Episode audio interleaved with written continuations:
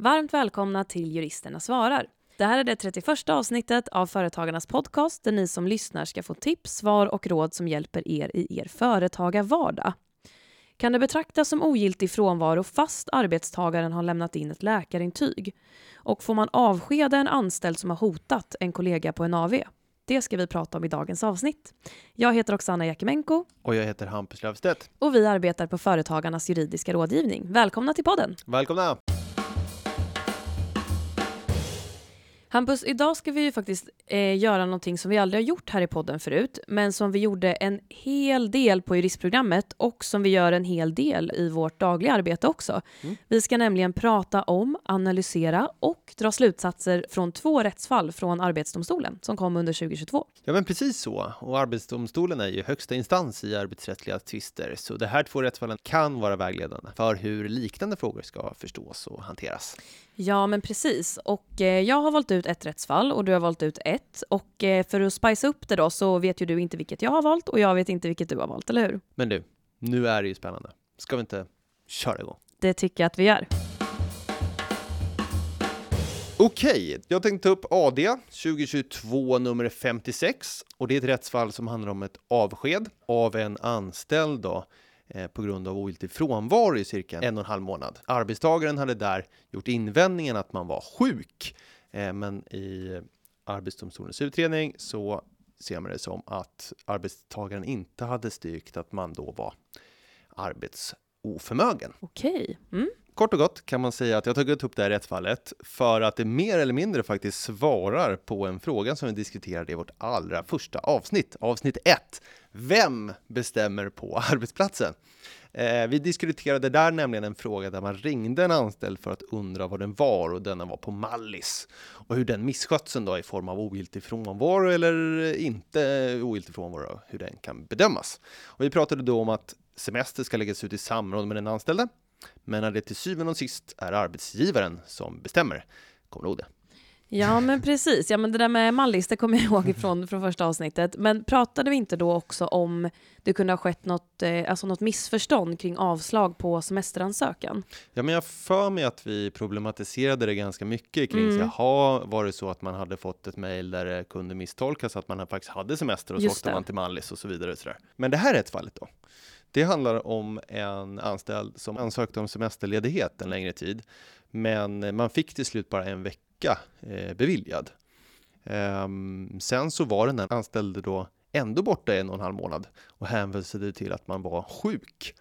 Och det där köpte inte arbetsgivaren om man avskedade då arbetstagaren. Men som vi vet när det handlar om uppsägning på avsked på personliga skäl så ska man ju vara försiktig med att dra slutsatser utan att titta på de specifika omständigheterna i, i fallet. Då. Eh, så därför ska jag gå in på det lite mer grundligt här i caset. Sounds good? Ja, men verkligen. Kör! Okej, okay. omständigheterna i caset är att under sommaren 2019 så planerade arbetstagaren, hans fru och hans tre vuxna barn att i december 2019 och januari 2020, ett halvår senare då, göra en resa till arbetstagarens hemland. Va? Arbetstagaren ville få lära känna sitt ursprung och det uppgavs också att, det, att man ville hälsa på arbetstagarens far som var sjuk.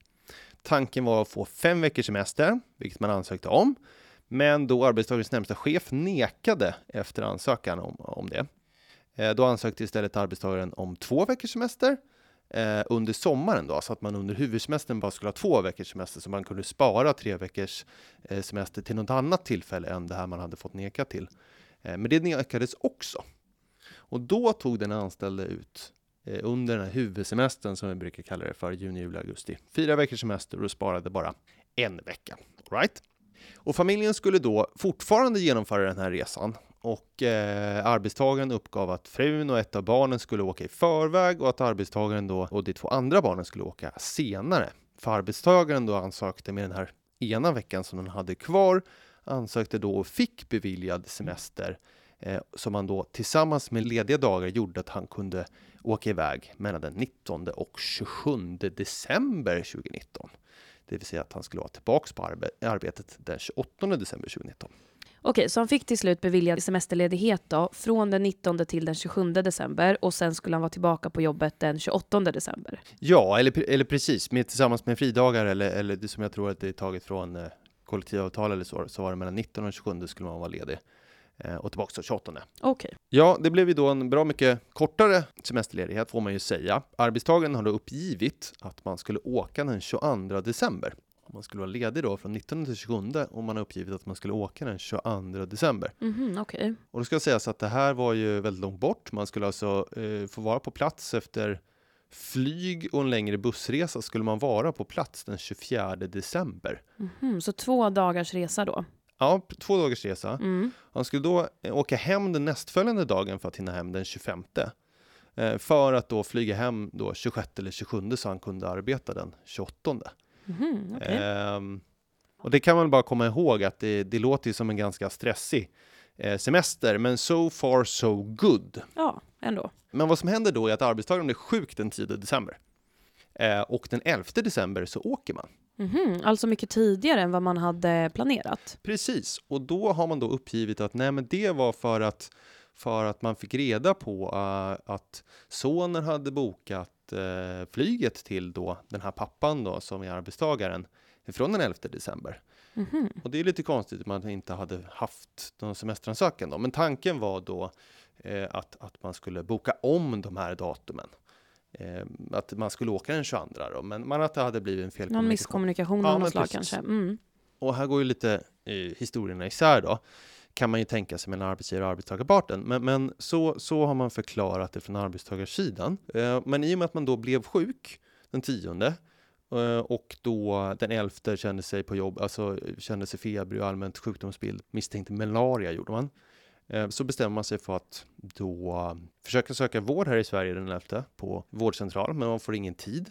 Och sen så eh, tar man flyget till hemlandet.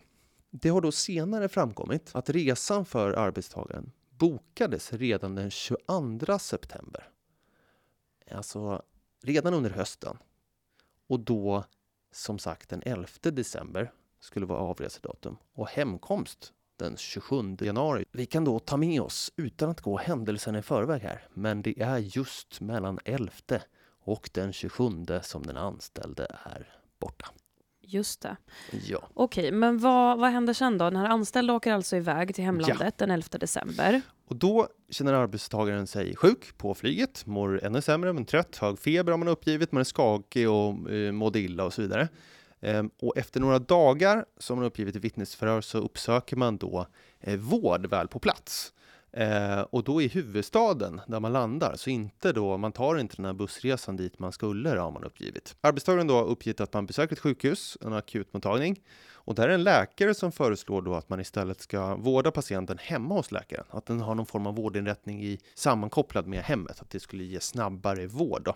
Den 5 januari, alltså några dagar efter att arbetstagaren skulle varit tillbaka, skickar man ett meddelande till sin chef från sonens mobiltelefon då man då inte kunde ladda sin egen mobiltelefon på grund av sitt hälsotillstånd. Och i det meddelandet stod det att man skulle undergå behandling fram till mellan den 25 och 28 januari 2020 enligt då vad läkaren hade uppgivit. Och läkaren ska då inte ha känt till att man hade en returbiljett som jag nämnde då, den 27 januari. Eh, läkarintyg som ska styrka arbetstagarens arbetsförmåga eh, har lämnats in till arbetsgivaren där det framgår att arbetstagaren infann sig på ett sjukhus den 20 december på dess akutavdelning och hade då frossa 40 graders feber. Den 27 januari skrevs man ut och till läkarintyget finns ett dokument avseende behandling samt ett kvitto. Så det finns lite skriftligt underlag med andra Ja, men precis. Och det är ostridigt att arbetstagarens biljett med avresa den 11 december och återresa den 27 januari bokades redan den 22 september. Det var arbetsgivaren som började grotta i det där och, och genom ett boardingpassnummer kunde på, på flygbladets hemsida se det. Då. Men då har man ju från arbetstagarsidan sagt nej, men vi skulle boka om det här. Så det, det, det, det låter vi vara osagt. Så kan det Ja. vara. Men okej, då vet vi lite omständigheter, eller ganska mycket omständigheter. Eh, bevisningen i målet består framförallt av vittnesmål med arbetstagaren och, och dess barn och fru och arbetstagarens närmsta chef och dess HR-företrädare. Arbetstagaren har också lämnat in nämnda läkarintyg och transkribering från ett telefonsamtal med en vän om hur man mådde. Mm, Okej. Jaha. Vad, vad tyckte domstolen om, om det här då? Ja, hur bedömer då Arbetsdomstolen det här caset? Ja, alltså frågan är ju om arbetsgivaren har haft rätt att avskeda den anställde för ogiltig frånvaro, eller hur? Arbetsgivaren hävdar att det är ogiltig frånvaro medan arbetstagaren hävdar att, det varit, att man varit arbetsoförmögen, alltså varit sjuk och på så sätt haft giltig frånvaro och arbetsgivaren därför inte haft rätt att avskeda den anställda och därför ska betala skadestånd. Det är det som är caset. Jag ska vara lite fräck nu här och citera Arbetsdomstolens sammanfattande bedömning för att sen ta ut något axplock ur den mer genomgående bedömningen som görs i rättsfallet. Vad tror ni? Det låter bra det. Mm. Sammantaget finner Arbetsdomstolen med beaktande av vad som redogjorts för ovan och vad som framkommit om omständigheterna före avresan avseende semesteransökan bokning av resa samt omständigheter i efteråt i form att arbetstagaren skrevs ut från vårdinrättningen i samband med att han hade en hemresa bokad sedan långt tidigare. Att det är tillräckligt utrett att arbetstagaren inte var arbetsoförmögen på grund av sjukdom och skador. Dels den 12 och 14 till 18 december eh, 2019 och dels den 28 december till 28 januari 2020. Um, han var således olovligen frånvarande de aktuella perioderna. Man fortsätter sedan med att understryka att arbetstagaren trots att han nekat semesterledighet uteblivit från arbetet utan giltig anledning och att det enligt praxis har slagits fast att det normalt då finns skäl för att avsluta en anställning. Och det understryker också att det inte finns några förmildrande omständigheter i det här fallet, trots att personen då varit anställd i faktiskt 13 år, tror jag det var. Ehm, Arbetsdomstolen ansåg att den olovliga frånvaron var av sådan art att den måste bedömas som så grovt åsidosättande av hans ålägganden mot bolaget att det har funnits laga grund för avsked. Så, jag nämnde något om axplock från den mer omfattande bedömningen, eller hur? Ja, men precis. Ja, för att här hörde ni att det var en väldig liksom sammelsurium som jag sa i början där, liksom en bedömning av alla omständigheter i det specifika fallet. Men det är kanske en sak som har stuckit ut lite när man har sett att det här fallet har kommenterats lite i den juridiska sfären. Mm. Och det är ju hur man bedömer läkarintyget. Det kan ju tyckas lite märkligt vid första anblick. Jag måste säga att jag reagerade på det när jag började läsa att man blir avskedad på grund av ogiltig frånvaro när man faktiskt lämnat in ett läkarintyg. Eh, eller vad säger du? Ja, men så är, det, det, är det man ska göra när man är sjuk och har man då ett giltigt läkarintyg, då är det ju inte ogiltig frånvaro. Nej, precis. Och jag menar, om jag hade varit utomlands och blivit sjuk så hade man ju gått till en läkare och så hade man fått ett läkarintyg och så hade man ju inte tänkt så mycket mer på det. Nej, liksom. och det är ju det man också lämnar in till sin arbetsgivare för att styrka ja. att man är arbetsoförmögen då. Ja, men precis. Men, men om vi tittar lite på om man gjorde bedömningen kring just läkarintyget i det här fallet så var läkarintyget här daterat datumet för avresa. Eh, det omfattar perioden 20 december till 20, 27 januari. Av läkarintyget framgick vilken vårdinrättning det var, adress och telefonnummer. Det framgår som jag nämnde förut att arbetstagaren infunnit sig på en akutavdelning med bland annat frossa och 40 graders feber och att han skrevs ut den 27 januari 2020 då, i gott tillstånd. Och som jag sa förut, so far so good kanske, men, men arbetsgivaren har då ifrågasatt det här läkarintygets äkthet och det har enligt vittnesmål då försökt nå läkarmottagningen per telefonnumret som står i det här läkarintyget utan framgång. Och vidare så, så ska vårdinrättningen då i fråga inte vara registrerad hos någon lokal myndighet i den delstat som den ligger i. Och om jag förstår det rätt i, när jag läser rättsfallet så verkar det vara ganska välbelagt det här. Då. Det verkade också som att vårdinrättning skulle teoretiskt sett kunna vara registrerad i en annan delstat om jag förstår det rätt. Och det har man väl kanske inte helt utrett. Eh, men till arbetstagaren så hade, man, hade läkaren skulle ha uppgivit att en registreringsprocess var på gång. Sen hade arbetsgivaren även skickat en bekant till den adress som uppgivits och hade då frågat runt och inte hittat någon vårdinrättning på den här platsen. Men eh, domstolen där hade uppgett att det är väldigt begränsat bevisvärde kring den här undersökan via vad man hade tittat på Google Maps och skickat dit någon för att det fanns inte så mycket uppgifter kring hur man hade gjort den där eftersökningen eller vad man ska säga. Men domstolen understryker att läkarintyget inte stämmer överens med vittnesuppgifter från arbetstagaren. För i läkarintyget står det nämligen att man inkommit på en vårdinrättnings akutmottagning och eh, det står sen ingenting om att man sen vårdat vid en annan vårdmottagning som man ju faktiskt hade uppgivit i vittnesmålet. Då sa man att man kom till ett sjukhus, akutmottagning, träffade en läkare och sen så vårdades vid den här andra sjukinrättningen som sjukintyget är ifrån. Så där tyckte man, ja men det stämmer liksom inte riktigt överens med vittnesmålet, det här läkarintyget. Och sen har det också då i vittnesmål nämnts att arbetstagaren genomgått dialys vid två tillfällen. Och då nämner man att ja, det finns inget underlag för den här dialysen, för det skulle då skett också vid en annan vårdinrättning än vad läkarintyget är ifrån. Eh, och något sådant underlag har liksom inte lämnats in. Ehm, och sen så går domstolen bara vidare med en sån här harang igen, helhetsbedömning kring att ja, med hänsyn till oklarheten kring läkarens identitet och rätt att bedriva läkaryrket med därtill tillhörande intygsskrivning samt oklarheterna kring vårdinrättningens existens så finner man att läkarintyget är behäftat med sådana oklarheter att det inte kan läggas till grund för bedömning i målet. Och det är ju ett axplock. Ja, och vad, vad spännande och intressant eh, måste ja. man ju säga. Men vad tycker du att vi kan ta med oss från det här rättsfallet? Ja, alltså det kan ju tyckas lite märkligt att ta upp ett rättsfall som i så mångt och mycket består i alltså hur Arbetsdomstolen gör den här helhetsbedömningen av bevisning, eller vad man ska säga. Alltså vittnesmålen, läkarintyget och omständigheterna kring att resan bokades redan på hösten och så vidare. Och sen råkade inom citationstecken då falla in under arbetstagarens sjukdomsperiod.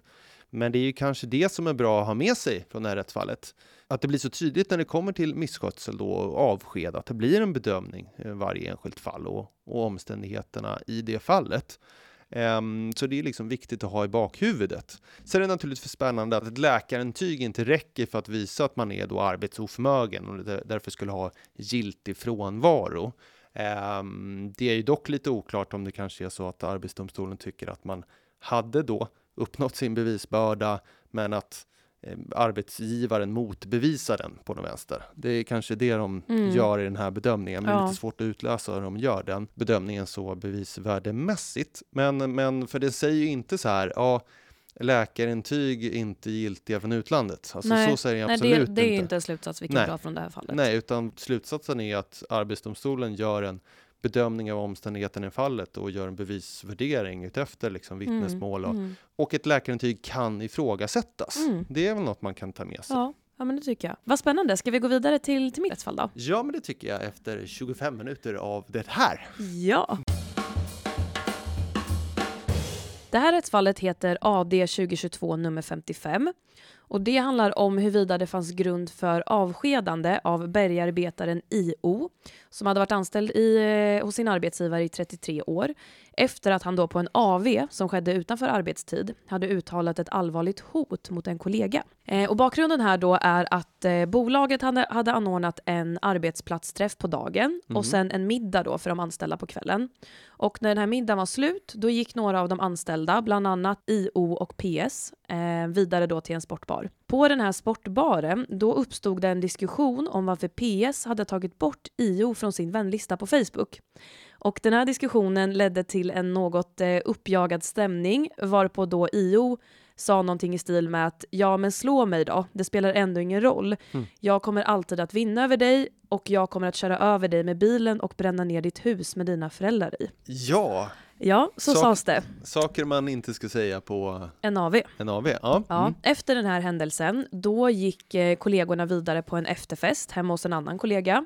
Och när eh, IO skulle lämna den här efterfesten, då råkade han ta med sig och ta på sig PS jacka istället för sin egen.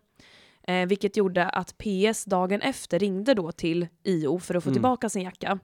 Och enligt PS så avslutades det här samtalet med att IO hade sagt ha ett bra liv, nu hörs vi aldrig mer. Okay. Och det här gjorde att PS uppfattade situationen från kvällen innan som ännu mer hotfull. Eh, och dagen efter det då, alltså på söndagen, då ringde PS till IO igen för mm. att försöka lösa den här situationen och uppmana IO att be om ursäkt, eh, vilket IO inte gjorde. Eh, PS berättade sen om de här händelserna för sina föräldrar och eh, föräldrarna blev rädda.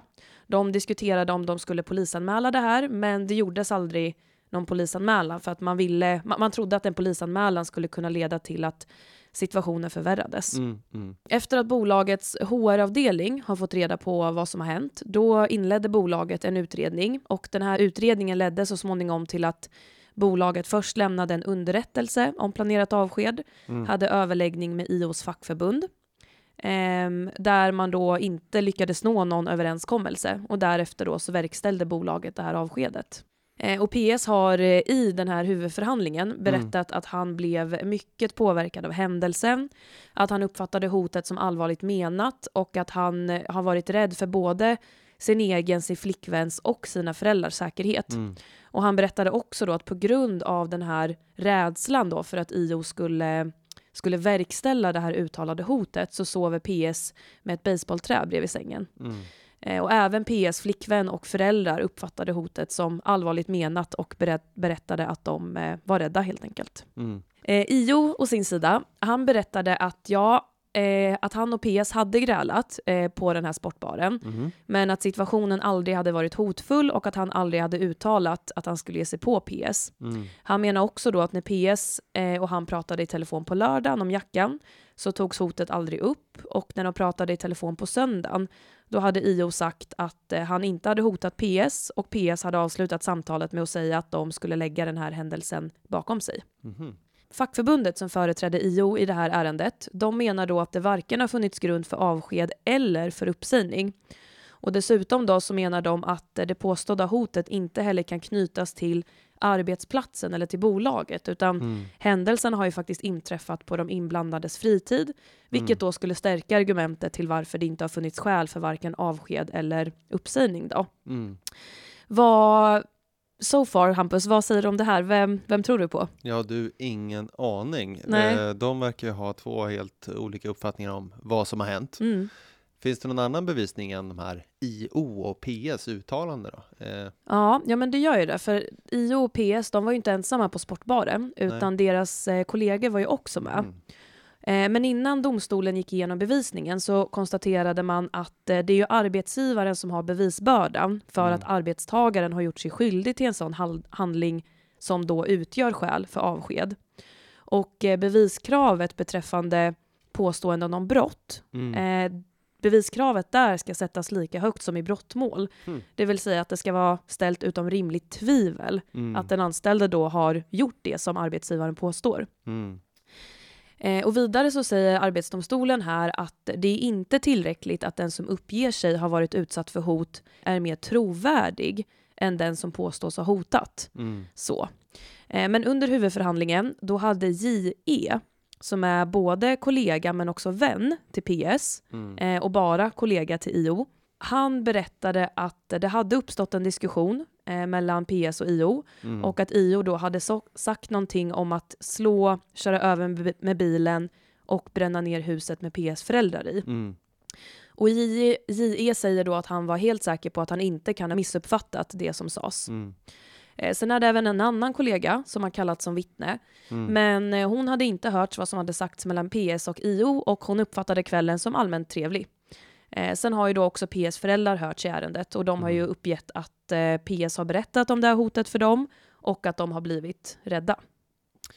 Okej, så det fanns alltså ett vittne som kunde ganska specifikt bekräfta då PS uttalanden. Precis. Men en som sa att det var en trevlig kväll. En trevlig kväll, ja, precis. Och mm, sen föräldrarna då som, som eh, sa att ja, PS berättade om det här hotet för oss. Mm, mm, och eh, när AD gjorde bedömningen då kring vad som faktiskt har hänt så konstaterar domstolen att PS, han har berättat om händelsen på sportbaren på ett eh, detaljerat sätt och även om tiden efter, alltså under den här helgen och hur han upplevde hotet. Eh, IO däremot, han har uttryckt sig mycket kortfattat. PS uppgifter har dessutom då styrkts av den här vännen och kollegan JE. Eh, och eh, JE är ju som sagt vän med PS, ä- även privat då. Men det har inte framkommit att varken JE eller PS skulle ha någon, eh, någon anledning att ljuga om vad som hade hänt. Då. Och sen går Arbetsdomstolen vidare och säger att även den omständigheten att PS berättat för sina föräldrar om händelsen, att det ger ett visst stöd i att IO faktiskt har uttalat det här hotet. För att det är svårt att annars se varför PS skulle riskera att göra sina äldre föräldrar upprörda då, genom att berätta om ett hot som inte har hänt. mm. Och hade, man resonerar som så att hade PS velat ljuga om ett hot, eh, då hade han ju helt enkelt kunnat göra det utan att blanda in föräldrarna. Mm. Eh, men sen gick ju de här två männen på efterfest tillsammans och det skulle ju kunna tala för att eh, man var vänner och allt var frid Mm. och fröjd. Men domstolen säger att det, det har inte påverkat eh, deras bedömning eh, eftersom att PS har berättat på ett utförligt sätt hur han tänkte allt mer på den här händelsen under helgen Mm. och ju längre eh, liksom tiden gick, desto mer tyckte han att det som hade hänt inte var okej. Mm. Så att mot bakgrund av det här, av den här bevisningen, så bedömde faktiskt Arbetsdomstolen att det var ställt utom rimligt tvivel att IO hade hotat PS på det sättet som PS hade berättat. Då. Okej, eh, men hade bolaget då i förlängningen rätt eh, när de avskedade IO då? Eh, det här hotet hade ju inte uttalats på arbetsplatsen eller på arbetstid, eller hur? Nej men precis, det här hade ju uttalats på den här sportbaren. Mm. Så vad gäller bolagets avskedande av IO så, så hänvisar Arbetsdomstolen till praxis och konstaterar att eh, man ser väldigt allvarligt på våld och Mm. hot om våld på Mm. arbetsplatsen. Och vidare då så säger domstolen att även brott som begås utanför arbetstid och utanför arbetsplatsen kan i vissa fall eh, föranleda avsked Mm. om brottet då är ägnat att allvarligt skada förhållandet mellan arbetstagaren och arbetsgivaren. Mm. Ehm, och att inom eller utom anställningen begå ett brott mot en arbetskamrat Mm. eh, som dessutom innefattar en grov kränkning av den. Mm. Det är typiskt sett ägnat att störa förhållandet på Mm. arbetsplatsen. Domstolen anser också att arbetstagarens förpliktelser gentemot arbetsgivaren som följer av ett anställningsavtal inkluderar bland annat då att inte uppträda hänsynslöst mot andra arbetstagare.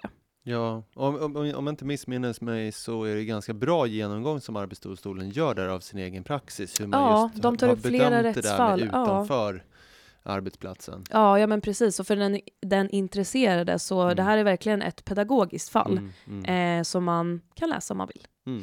Nej, men mot bakgrund av det här resonemanget i alla fall då, så konstaterade domstolen att eh, det här hotet som inträffade, att det var av allvarligt slag Mm. och innebar en sån grov kränkning av PS som typiskt sett är ägnat att allvarligt störa förhållandena på arbetsplatsen. Mm. Eh, och sen det faktum att IO och PS sällan jobbade tillsammans och därför inte behövde träffa varandra särskilt ofta i arbetet, det påverkade inte domstolens bedömning. Nej. Domstolen säger också att händelsen, som ja, då förvisso inträffade utanför arbetsplatsen och utanför arbetstid, ändå hade en sån eh, anknytning till bolaget Mm. eftersom det som hände hände i anslutning till den middagen som bolaget Just hade det, anordnat.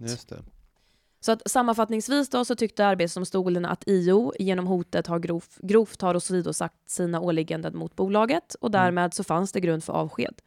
Så att fackets talan här om ogiltigförklarande av avskedet och skadestånd till IO, det, den avslogs och istället då så fick facket betala bolagets rättegångskostnader på ungefär 340 000 kronor. Okej, som vi förra, eh, avslutningsvis på förra dragningen av rättsfall eh, sa då, vad tar vi med oss från det här rättsfallet? Ja, men jag tycker nog att det finns en hel del att ta med Mm. sig. Men om vi ska plocka ut några saker så är det väl att, eh, ja, men att Arbetsdomstolen ser mycket Mm. allvarligt på våld eller hot om våld på arbetsplatsen. Mm. Och när det gäller brottsliga gärningar, då ska det vara ställt utom rimligt tvivel att det som arbetsgivaren påstår har hänt faktiskt har hänt. Mm. Och där är det som sagt då arbetsgivaren som har bevisbördan för det. Mm. Eh, och en annan sak som jag tycker att man kan ta med sig, det är ju just att eh, även om hotet uttalades på arbetstagarnas fritid, eh, så kan det ändå finnas omständigheter som, som liksom kopplar händelsen till arbetet och då kan det finnas grund för arbetsgivaren att vidta arbetsrättsliga åtgärder. Tack för den dragningen Oksana. Tack själv! Ja men hörni ni, då har vi gått igenom inte dagens fyra frågor utan dagens två rättsfall. Och som medlem i Företagarna kan du utan kostnad ringa till oss och våra kollegor på den juridiska rådgivningen och få personlig hjälp.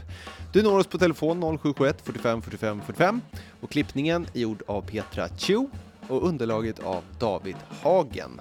Vi hörs igen om två veckor. Tack för att ni lyssnat. Hej då! Hej då!